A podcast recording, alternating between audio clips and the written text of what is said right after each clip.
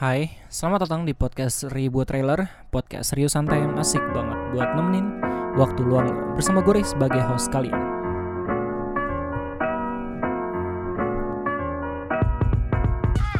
Well, jadi untuk podcast di episode kali ini Bahasannya bakal bener-bener berat gitu. Tapi berbeda dengan bahasan-bahasan episode sebelumnya kalau misalnya di episode sebelumnya gue ngobrolin tentang quarter life crisis, mental illness, depresi, gimana diri lu ketika lu jenuh dan segala macem. Di episode kali ini gue bakalan ngobrolin tentang kisah asmara seseorang. Ya, gue bakal ngobrolin tentang cinta-cintaan di episode kali ini yang beda banget sama podcast gue sebelumnya gitu. Dan cerita ini benar-benar berat diceritain sama gue karena seseorang yang bakal gue ceritain itu sendiri adalah gue sendiri. Ini adalah cerita tentang gue yang akan membenci diri gue sendiri ketika gue menjadi seorang secret admirer. Tapi sebelum kita ngobrol lebih jauh lagi, gue pengen nanyain kabar ke kalian semua. Jadi apa kabar? Semoga kalian baik-baik saja. Apakah ada di antara kalian yang menjadi seorang secret admirer sampai saat ini? Kalau ada, ya segera putuskanlah apakah kalian ingin menjadi babu dia selamanya atau kalian ingin benar-benar memiliki dia gitu. Ini akan sulit ketika gua ngomong ini ke perempuan. Karena kalau perempuan itu ya ya lumayan uh, masih aneh terlihat gitu ketika dia yang menyatakan cinta atau perasaannya gitu tapi berdoa aja semoga orang yang lu cinta itu tahu gitu kalau misalnya itu suka sama dia. Kalau misalkan emang masih belum waktunya lu uh, merasakan cinta-cintaan itu ya lu bisa doakan dia dari jauh lu bisa fokus uh, untuk menjalani kehidupan yang lain dan jadilah seseorang yang bisa membuat dia menoleh uh, pada diri lu sendiri gitu. Terlepas dari apa ya terlepas dari penampilan lu dan segala macem tapi dia akan menyukai ketika lu emang benar-benar menjadi orang yang bisa terlihat sama dia sempurna gitu. Well, kita bakal mulai tentang ceritanya. Sekali lagi podcast kali ini benar-benar nusuk, benar-benar susah buat gue ceritain sebenarnya bahkan uh, ceritain itu pengen banget gue lupain tapi terlalu ter, selalu terpendam gitu. Nyemen di dalam pikiran gue dan gue bener-bener nggak bisa melupakan hal itu gitu. Nggak bisa melupakan fakta kalau misalkan gue pernah uh, melihat sesuatu yang gue nggak percaya sama sekali gue gue lihat itu gitu. Ini adalah sebuah cerita tentang alasan gue aduh gue ngomong lagi. Ini merupakan sebuah cerita tentang alasan gue membenci orang-orang yang menjadi seorang secret admirer gitu Buat lo semua yang sampai sekarang masih suka sama orang yang lu suka secara diem-diem, ya lu PDKT lah jangan selamanya menjadi orang yang no lab gitu, menjadi orang yang apa ya, menjadi orang yang uh, merasa menjadi seorang pahlawan ketika dia membutuhkan gitu. Lu tiba-tiba datang zet ngasih sesuatu abis lu kabur gitu, abis itu udah gitu. Ada orang yang ngasih tau ke gue kalau misalkan apa ya, jangan menganggap menjadi secret admirer itu adalah proses untuk mendapatkan cintanya dia. Itu salah besar cuy proses untuk mendapatkan cintanya dia itu kalau misalkan lewat jalur agamis ya mungkin taaruf dan ngasih CV dan segala macam. Tapi kalau misalkan emang cara-cara anak-anak Jabodetabek dan uh, anak-anak uh, remaja-remaja pada umumnya itu PDKT. PDKT abis itu promosi gitu tentang diri lu sendiri ke dia gitu. Tunjukin kalau misalkan lu itu tertarik sama dia dan tunjukin kalau misalkan lu itu bisa jadi kekasihnya dia gitu. Dan kalau misalnya lu menunjukkan hal itu langsung tembak, nggak usah lama-lama PDKT emang menjadi apa ya menjadi momen yang paling membahagiakan gitu dalam hidup lo gitu. Rasanya hati lo selalu berdebar-debar kalau misalnya dekat sama dia dan segala macem ya gak sih? Tapi sesudah itu uh, bakal ada momen di mana lo biasa-biasa aja lagi sama dia karena udah memiliki itu gitu. Tapi nggak baik juga kalau misalnya lo PDKT lama-lama ntar dia diambil orang kan lo nangis lo nyesel sendiri gitu. Apalagi kalau misalnya udah nikah gitu. Ya gak sih jadi ya inilah cerita gue tentang kenapa gue benar membenci diri gue sendiri ketika gue menjadi seorang secret admirer. Gue sampai sekarang benar-benar ngejauhin uh, indikasi-indikasi seseorang menjadi seorang secret admirer. Gimana sih jatuhnya kayak lu punya hati sama orang yang lu suka gitu. tapi lu susah gitu ngasih tau dia gitu terus lu mikir kayak mendingan gue ngeliat dari dia dari kejauhan deh. Kalau misalkan emang ada momen-momen yang pas barulah gue deketin deketin dia gitu. Lu sadar kalau misalkan lu itu nggak cocok sama dia gitu tapi lu pengen memiliki dia gitu. Lu sadar kalau misalkan lu itu serba kurang gitu kalau dibandingin sama dia tapi lu pengen suka sama dia pengen memiliki dia gitu. Gue dulu pernah ngerasain hal itu soalnya. Bukan SMA bukan kuliah bukan kerja bukan saat ini tapi pada saat gue SMP waktu itu kayaknya gue masih cinta-cinta monyet gitu ya cinta-cinta apa ya cinta-cinta anak-anak bocah pada umumnya gitu. Tapi waktu SMP sih nggak bisa dibilang bocah ya. Dibilang bocah enggak dibilang remaja atau dewasa enggak gitu. SMP tuh kayak masa-masa transisi antara lu bandel lu emo atau lu menjadi orang yang cepak gitu. Cepak ngehe. Waktu SMP tuh bener-bener uh, waktu-waktu gue apa ya waktu-waktu gue masih belum menuju kedewasaan.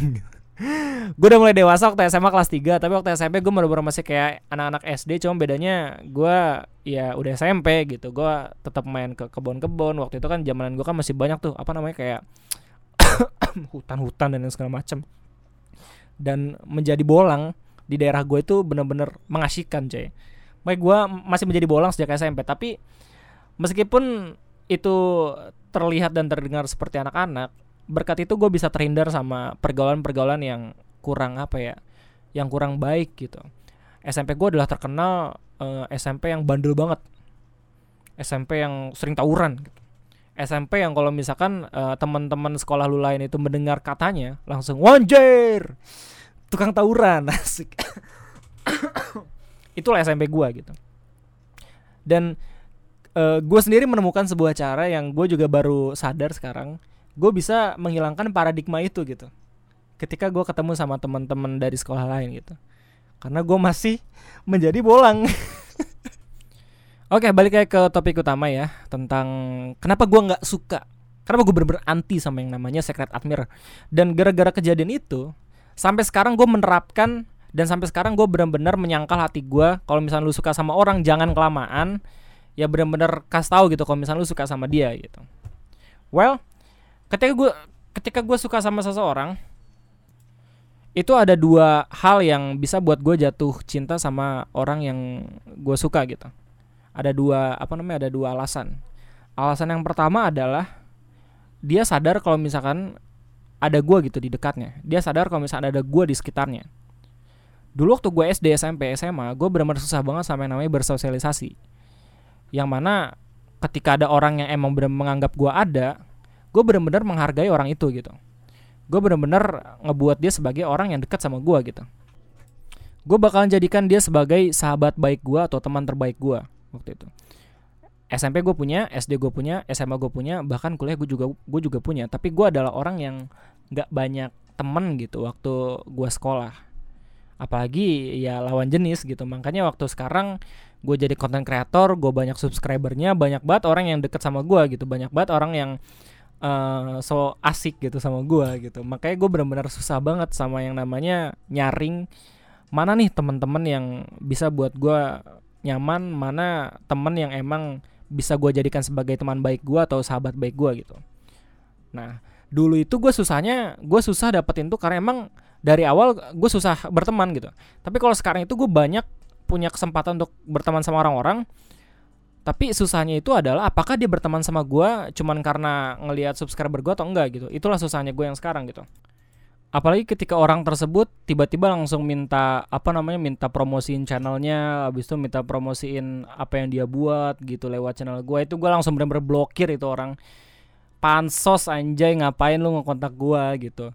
Gue bener-bener gak butuh orang yang emang uh, apa yang bener-bener to the point eh, dalam mempengaruhi dalam berteman sama seseorang cuma pengen karena uh, suatu kelebihannya doang gitu. Itu gue benar-benar uh, ngejauhin orang yang kayak gitu gitu. Tapi dulu dulu gue adalah orang yang susah untuk berteman. Dan ketika ada lawan jenis yang menganggap gue ada di sekitarnya menganggap gue adalah temannya dia gue gampang banget untuk jatuh cinta gitu. Gue gampang banget untuk jatuh hati sama dia gitu.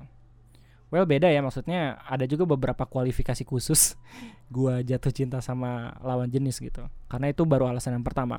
Alasan yang kedua adalah gua klop sama dia gitu. Dan klopnya ini tuh beragam. Waktu gue SMP dan gue masih merasakan cinta monyet mungkin gue klopnya mungkin karena dianya itu imut dianya itu uh, baik tapi lucu mukanya. Ya indah dilihat mukanya. Gimana sih? Aduh gue jadi canggung ini buat podcast anjay. Tapi waktu SMA gue uh, suka sama man beberapa mantan gue dengan alasan yang berbeda klubnya gitu. Mantan yang pertama gue gue suka sama dia ngeklub karena dia tuh pinter orangnya. Dia tuh orangnya rajin dan gue pengen banget uh, bisa apa ya bisa tertular gitu kerajinan dan uh, pinternya dia gitu. Yang kedua temen uh, mantan gue itu gue klub sama dia karena dia satu frekuensi sama gua. Jadi kayak obrolan kita nyambung habis itu ya kita sama-sama gesrek gitu kita sama-sama orang yang uh, cool gitu dan lain segala macem. Dan untuk calon ibu negara gue yang sekarang mungkin gue bakal mencari dia dan mungkin gue jatuh hati sama dia karena dia tahu perjuangan gue dan uh, dia menemani gue saat gue susah gitu. Itu yang lagi itu yang benar-benar dicari gitu kalau misalnya sekarang gitu. Dan karena dulu itu gue masih sukanya dengan alasan imut lucu dan segala macem gue bisa menyimpulkan kalau misalkan dulu gue suka sama dia karena ya gue masih cinta monyet kayak gitu. Oke jadi cerita tentang alasan gue nggak suka menjadi seorang secret admirer adalah berhubungan dengan orang yang gue suka pertama kali ini waktu SMP itu waktu gue suka sama dia ya pertama karena emang dia menganggap gue ada dia adalah orang yang ramah dan kedua dia lucu gitu waktu itu ini terjadi ketika waktu uh, masa orientasi siswa atau MOS waktu SMP. Waktu kelas 1 gue pengen ngerubah paradigma atau pandangan gue yang awalnya kayak bocah waktu SD pengen berubah pengen banyak temen gitu waktu SMP gitu. Jadi gue secara random uh, kenalan sama orang-orang. Nah salah satunya cewek yang satu ini. Nah cewek yang satu ini bener-bener ramah sama gue, bener-bener nganggep gue ada. Kalau misalkan gue lewat dia nyapa gue. Kalau misalkan ngelihat gua dia bisa dia langsung ngobrol sama gua dan segala macam dan sejak saat itu gua suka sama dia. Terus semenjak uh, eh, gue suka sama dia itu gue dari kelas 1 benar-benar uh, ngelihat dia dari kejauhan. Gue benar-benar suka kalau misalkan dia lewat. Habis itu waktu pemilihan eskul gue ngikutin dia ikut eskul yang mana. Goblok kayak gue saking saking saking apa ya saking saking menjadi seorang secret admirer sejatinya itu gitu. Gue selalu melihat dia ke mana pun dia pergi gitu. Bahkan ketika sekolah udah selesai ketika sekolah udah selesai itu kan sekolahnya itu kan dekat sama rumah gue ya. Jadi gue juga biasanya setelah gue pulang sekolah gue bisa ngebolang tuh ke mana-mana. Salah satunya ke sekolah gue gitu. Sekolah gue waktu itu masih belum menerapkan prinsip apa namanya shifting gitu yang sampai jam 5 sore gitu. Tapi masih jam 2 udah pada balik. Jadi waktu gue selesai jam 2 gue biasanya mengitari sekolah gue masuk ke kelas-kelas dan salah satunya masuk ke kelas dia gitu. Saking gue suka sama dianya gue sampai selalu mampir ke kelasnya dia. Bis itu gue selalu ngintipin dia uh, duduknya di mana. Waktu udah jam jam jam pulang dan udah nggak ada siapa-siapa lagi gue duduk di mejanya gue ngeliat buku catatannya. Dia adalah orang yang malas banget buat uh, apa namanya males banget bawa-bawa buku sepertinya makanya bukunya itu ditaruh di kolong meja. Gue lihat tulisannya gue ngerasa kayak anjay. Parah ini aduh udah akut banget ini goblok sukanya. Nah ya udah kayak gitu. Gue lakuin itu selama setahun gitu. Gue lakuin itu selama setahun. Dan waktu kelas 2 dan waktu gua, kelas 2 barulah fenomenanya terjadi gitu. Barulah momen di mana gue benar-benar menyesal menjadi seorang secret admirer itu terjadi. Dan ini berhubungan sama dia Well, kita flashback sebelumnya ya. Selama selama kelas 1 itu nggak jarang juga gue mencoba untuk apa ya mencoba untuk terlihat ada uh, sama dia gitu. Kayak misalkan ya gue caper-caper dikit lah gitu. Tapi mungkin itu membuat dia ilfeel. Jadinya yang awalnya dia ramah waktu mos habis itu kelas 1 itu dia ngerasa kayak kurang cocok kurang nyaman gitu ngelihat gue gitu ya. Gue juga ini sih gue juga berpikir kalau misalkan gua ngelihat gua yang dulu juga gua nggak nyaman soalnya gua masih kayak bocah banget dulu ya gak sih? Oke satu tahun berlalu dan asumsikan saja gue masih melakukan hal yang sama setiap harinya selama setahun penuh itu kayak gue ngelihat dia kalau misalnya dia ada bis itu ya gue selalu ke kelasnya dia kalau misalkan pulang dan segala macem. Dan pada saat ke, pada saat kelas 2 gue menemukan sebuah momen gue menemukan sebuah peristiwa yang mana ngebuat gue bener-bener ngerasa bego banget. Yang bener-bener ngerasa gue goblok banget gitu. Ngelihat dia dari kejauhan. Yang mana menurut gue apa yang gue lakukan setelah selama ini selama itu sia-sia dan ngapain gitu. Itu ada dua penyesalannya itu ada dua ada dua ada dua. Yang pertama kenapa gitu? Kenapa gue menjadi seorang secret admirer gitu? Kenapa gue nggak langsung PDKT sama dia aja gitu? Yang pertama itu. Yang kedua adalah gue nggak gue nggak nyangka dia ngelakuin sesuatu yang gue bahkan apa ya nggak nggak terpikirkan gitu sama gue jadi fenomena itu peristiwa itu terjadi waktu uh, hari Sabtu. Gue ingat banget kalau hari Sabtu. Karena waktu itu ekskul kan hari ekskul gitu. Jadi waktu angkatan gue itu Senin sampai Jumatnya belajar Sabtunya itu kegiatan ekstrakurikuler. Waktu itu gue udah keluar dari hmm, dari ekskul pencaksilat. Waktu itu kan gue ikut ekskul karena emang gue ngeliat dia kan nah di pertengahan apa nah di pertengahan tahun waktu kelas 1 dia keluar di ekskul di ekskul pencaksilat begitu pula dengan gue gitu jadi waktu uh, pertengahan akhir kelas 1 itu gue nggak punya ekskul sama sekali Nah waktu kelas 2 gue nyari ini nyari ekskul waktu hari pertama apa namanya kegiatan ekskul berlangsung gitu. Sorry sorry ini tetangga gue kok rame banget. Kayak udah kayak kastil. nah waktu itu gue muter-muter tuh muter-muter sekolah dan akhirnya gue ketemu lah sama salah satu ekskul yang menurut gue cocok sama gue. Tebak ekskulnya apa? bukan futsal, bukan basket karena basket nggak ada. Ekskulnya itu adalah ekskul tenis meja. Dulu gue waktu SD senang banget main tenis meja bareng teman komplek gue. Dan waktu hari itu gue ketemu sama dia yang lagi main tenis meja bareng temennya gitu di apa namanya di halaman sekolah bukan di halaman sih di lapangan utama sekolah gitu. Dan akhirnya gue sapalah dia gitu. Gue tanya, lih emang di emang ada tes ada ada ekskul tenis meja ya di eh, di sekolah ini gitu terus dia kaget ya, ya ada cuman waktu tahunan lu waktu mos lu nggak promosi kita soalnya nggak ada orang cuma kita doang gitu jadi eskul tenis meja itu gue bisa berasumsi itu eskul yang anggotanya paling dikit jadi waktu gue ngomong sama dia gue baru tahu kalau misalnya angkatan gue cuma gue doang yang tertarik gitu jadi waktu gue apa namanya memutuskan untuk ikutan gue langsung ngasih tau ke dia, ih gue gue suka banget sama tenis meja, lu kenapa nggak bilang? Ya udahlah gue ikutan te ekskul tenis meja. Dia langsung lari ke uh, guru pembinanya, namanya Pak Pak Sumarsan. Abis itu Pak Sumarsan langsung lari gitu langsung lari gitu ke gue, meskipun kakinya pincang kan gitu. Terus bilang ke gue, kamu kalau misalkan tertarik cobalah ajakin teman-teman sangkatan kamu. Akhirnya setelah mendapatkan tugas dan uh, quest dari guru gue, gue nyarilah orang-orang yang menurut gue suka sama tenis meja gitu. Gue cari gue cari. Nah waktu dalam pencarian gue nemu dompet. Gue nemu dompet. Aduh kalau misalnya orang yang denger mampus gue gue nemu dompet yang notabene isinya itu masih gemuk gitu masih banyak masih ada uang gitu. Tapi nggak ada kartu tanda pengenal. Soalnya karena SMP mungkin ini masih ini dompet anak SMP gitu ya. Jadi gue bingung ini dompet siapa. Gue waktu udah nemuin gue langsung lambain tangan gue teriak-teriak eh, ini dompet siapa? gitu. Nggak ada yang nyaut. Semua pada fokus sama eskulnya masing-masing gitu.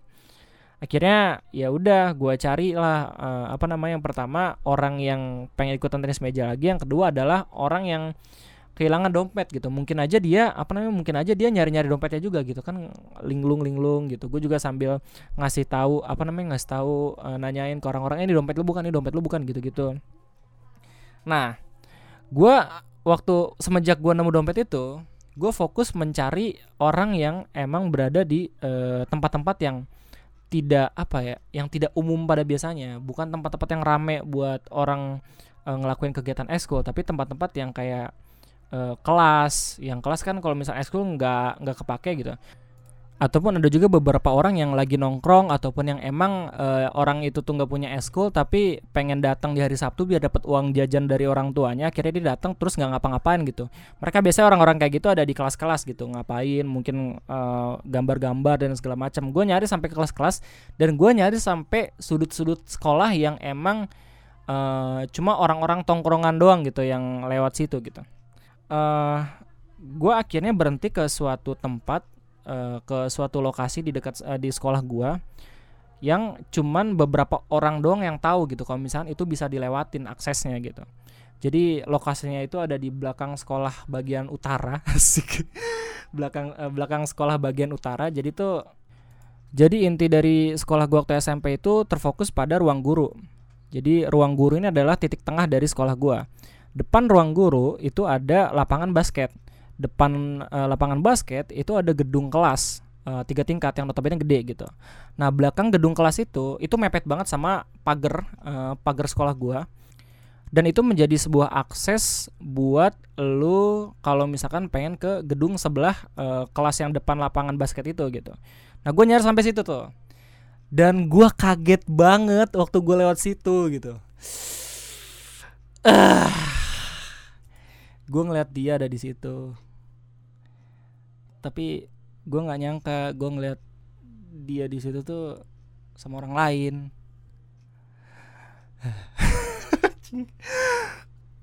masih kebayang jelas gue masih kebayang jelas gue gambarnya kayak gimana jadi jadi waktu gue pengen lewat situ dan gue tahu ada apa namanya ada tanda-tanda orang di situ gue bisa ngintip tuh dari sisi uh, sebelah gitu gue dari sisi yang lain gitu. Oh ada orang gitu. Tapi gue nggak nyangka kalau misalnya itu dia gitu. Dan dia bareng orang lain. Yang gue lihat adalah dia yang gue lihat adalah dia bercumbu sama orang itu. Jadi kissing gitu cuman tangan cowoknya itu ngeraba-raba bagian dalam orang yang gue suka gitu orang yang lagi gue jadiin secret eh, orang yang ngebuat gue jadi orang gue orang yang ngebuat gue jadi secret admirer gitu. Anjir gue nggak nyangka banget. Gue gue gue melihat hal seperti itu waktu gue SMP gitu. Dan lu bayangin itu orang yang gue suka anjir. Fuck.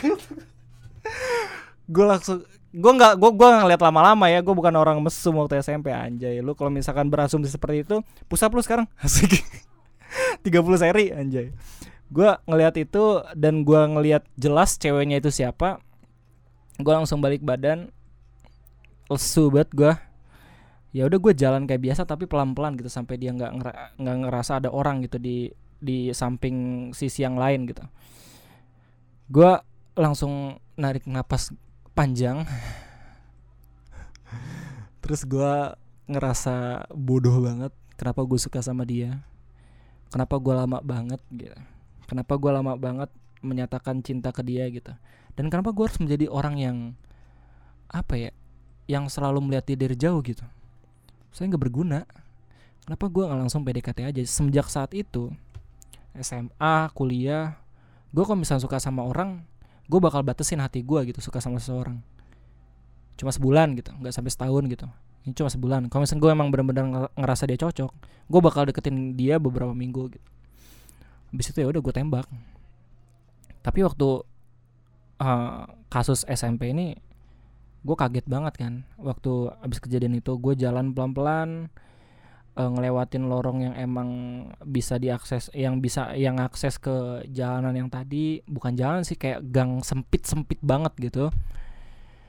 Gue abis itu lupa kalau misalnya gue punya tugas buat uh, ngumpulin orang gue langsung balik waktu itu. Sendiri gue balik gue kayak merenung gitu gue kayak orang yang balik abis itu uh, gue uh, hadap uh, apa namanya pandangan gue cuma ngeliat ke dalam tanah doang ke dalam tanah ke bawah doang ke tanah doang.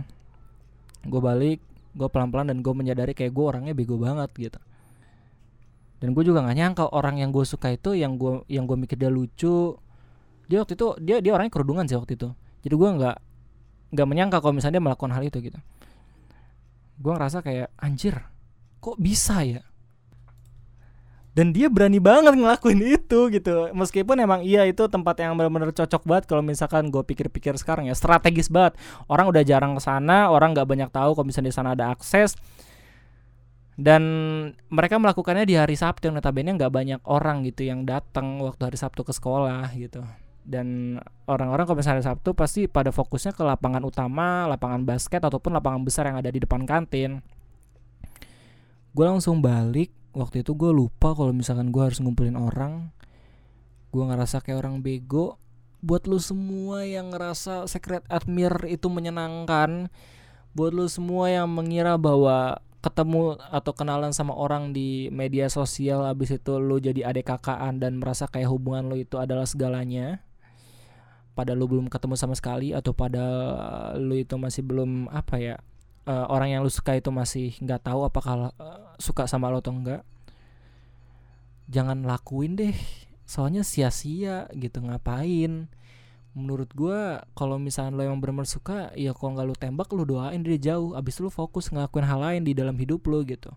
Entah itu lo merintis karir entah itu lo fokus ke pelajaran dan lain segala macam soalnya sejak saat itu gue langsung rajin belajar. Semenjak saat itu rasa kebolangan gue tuh kayak terkikis gitu. Tapi gue tetap ngebolang. Tetap gue tetap gue tetap ngebolang gitu. Tapi gue uh, menyampingkan setengah dari waktu bolang gue untuk belajar. Dan kelas 2 uh, eh, prestasi gue waktu SMP tuh rada baikan. Kelas 3 gue ranking waktu itu anjay. Ranking tiga besar waktu itu dan itulah yang yang menjadi alasan gue bisa masuk ke uh, eh, SMA gue SMA 8 karena susah waktu angkatan gue masuk SMA 8 dan kalau misalnya lu tanya sama adik gue adik gue juga masuk SMP yang sama Gak ada angkatan dia yang masuk SMA 8 pak saking susahnya dan saking ada jonasi tapi sebelumnya juga gak banyak yang dapat SMA 8 gitu. Waktu angkatan gue alhamdulillah ada 15 orang yang masuk SMP eh, SMA 8 gitu. Dari SMP gue. Gue sejak saat itu gue langsung rajin belajar dan gue langsung pusing. Hari itu juga gue langsung balik ke rumah, gue langsung minum extra jus pakai susu. Gue baru ngerasain soda susu waktu ngeliat kejadian itu. Gue menjadi seorang saksi di mana gue nggak bisa menceritakan itu ke siapa pun gitu. Gue pengen nyeritain itu ke orang-orang, uh, waktu itu juga gue nggak enak sama dia gitu tapi sekarang bodoh amat karena ini podcast dan ini konten. Dan dan gue merasa dengan gue menceritakan ini lu semua bisa belajar gitu dari kesalahan gue dari pahitnya pra, dari pahitnya apa yang gue rasakan gitu.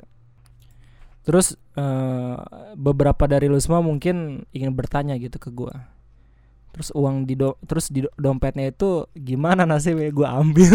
Anjir jahat banget gue aduh itu salah itu satu-satu hiburan. Satu-satunya keajaiban yang bisa meredam sakit hatinya gue gitu. Gue inget banget di dompet itu ada 80 ribu dan waktu zaman gue SMP 80 ribu itu banyak. tiga puluh ribu gue jajanin lima puluh ribunya itu gue buat modal buat jadi uh, apa buat jadi tukang jualan petasan. Karena bentar lagi waktu itu puasa kan jadi gue ngekip uang itu gitu. Aduh gue jahat banget. Jangan di, jangan dicontoh ya. Buat lu semua yang uh, nemu uang yang nemu dompet ya lu carilah lu kasih effort lah kasihan gitu orang yang punya dompetnya gitu.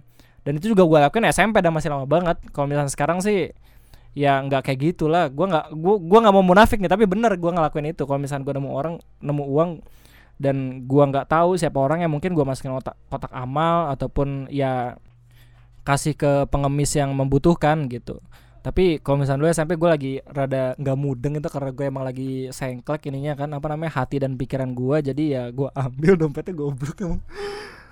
Dan lucunya adalah karena modalnya itu dari uang yang nggak bener dari orang yang menderita waktu gue jualan petasan selama puasa gue udah dapat untung. Terus di hari terakhir apa namanya di hari terakhir uh, uh, taraweh itu gue beli gue apa namanya gue jadiin modal semua keuntungan gue terus abis itu gue fokusin tuh jadi apa namanya jadi petasan-petasan gitu. Tiba-tiba di hari hari di di, di di di dibanjur sama air gitu sama bokap gue semua modal petasan gue gitu. Dan gak ada untung sama sekali jatuhnya gue jadi nggak ngapa-ngapain ngapain gue jualan petasan anjir. Itu bokap gue e, ngebanjur sama petasan gue pakai air soalnya ya berisik kan waktu itu dan petasannya itu benar-benar dimaininnya deket rumah gue jadi dia nge, nge beliau ngerasa jengkel gitu dan akhirnya ngebanjurin semua petasan yang gue punya gitu termasuk modal-modal besar gue gitu. Semua keuntungan gue gue jadiin modal lagi di hari terakhir untuk e, taraweh gitu. Dan akhirnya ya gue nggak dapet apa-apa. Well buat lu semua yang yang masih menjadi seorang secret admirer atau masih suka sama seseorang gue saranin jangan terlalu lama jangan terlalu lama buat uh, apa ya memendam rasa ke dia. Kalau misalkan emang dia itu benar-benar bisa membuat lo berkembang bisa membuat lo apa ya uh, teralihkan dari berbagai macam tanggung jawab ya udah fokus gitu sama dia beberapa hari atau beberapa minggu. Perjuangin gitu. Jangan jadi orang yang emang ngelihat dia dari kejauhan dan ya kalau misalnya dia nggak tahu lu suka sama dia buat apa gitu percuma gitu. Jadi kalau misalnya benar-benar lu suka sama dia ya kalau nggak lu perjuangin ya lu lupain dulu secara sejenak ataupun secara uh, bertahun-tahun gitu. Dan kembangin diri lu agar dia bisa ngelihat lu menjadi seseorang yang dia suka gitu. Jadi percuma sih jadi seorang secret admirer sih. Janganlah ya jangan. Apalagi memendam memendam cinta kepada seseorang lama-lama gitu toh kalau misalnya lu udah jadi orang yang punya kerjaan yang bagus ataupun kalau misalnya lu udah masuk ke perguruan tinggi negeri ataupun kalau misalnya lu masuk SMA yang SMA atau SMK yang uh, keren dia pasti bakalan nolak lu kok kalau misalkan lu ajakin ngobrol sama dia gitu asalkan lu jangan malu-malu lagi gitu gitu buat deket buat deket sama dia sorry gue rada gugup di cerita ini di episode kali ini karena ini merupakan cerita yang sangat berat yang harus gue ceritakan ke kalian semua. Tapi gue harap lu semua bisa ngambil hikmahnya ya, ngambil pelajarannya, jangan ngelakuin sesuatu yang bodoh gitu menjadi seorang secret admirer. Tidak, jangan. Cukuplah itu lu lihat di anime-anime aja gitu.